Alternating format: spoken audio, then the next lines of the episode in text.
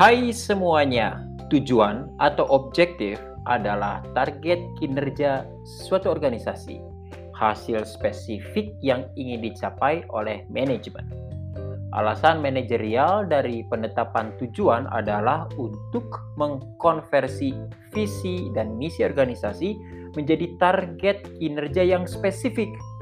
Nah, objektif atau tujuan yang baik itu harus memenuhi kriteria-kriteria specific, measurable, challenging, and deadline for achievement. Jadi tujuan itu harus spesifik, harus jelas, ya harus rinci. Satu, kedua, tujuan itu harus measurable atau istilah lainnya adalah quantifiable, berarti dapat diukur, terukur, dapat dinyatakan dengan angka, ya. Itu kedua.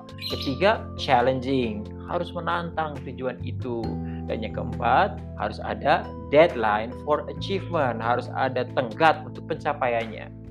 Co-founder Hewlett Packard, Bill Hewlett mengatakan, "You cannot manage what you cannot measure, and what get measured gets done." Kita nggak bisa mengelola apa yang nggak bisa diukur dan apa yang terukur dapat dilaksanakan. Tiga alasan mengapa tujuan-tujuan terukur dan konkret itu berharga secara manajerial. Satu, tujuan memfokuskan perhatian organisasional dan menyelaraskan seluruh tindakan dalam organisasi.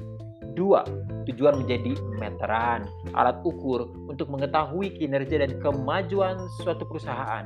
Dan yang ketiga, tujuan memotivasi pegawai untuk mengerahkan upaya yang lebih besar dan mencapai performa yang tinggi. Terima kasih telah mendengarkan. Tetap sehat, tetap bahagia.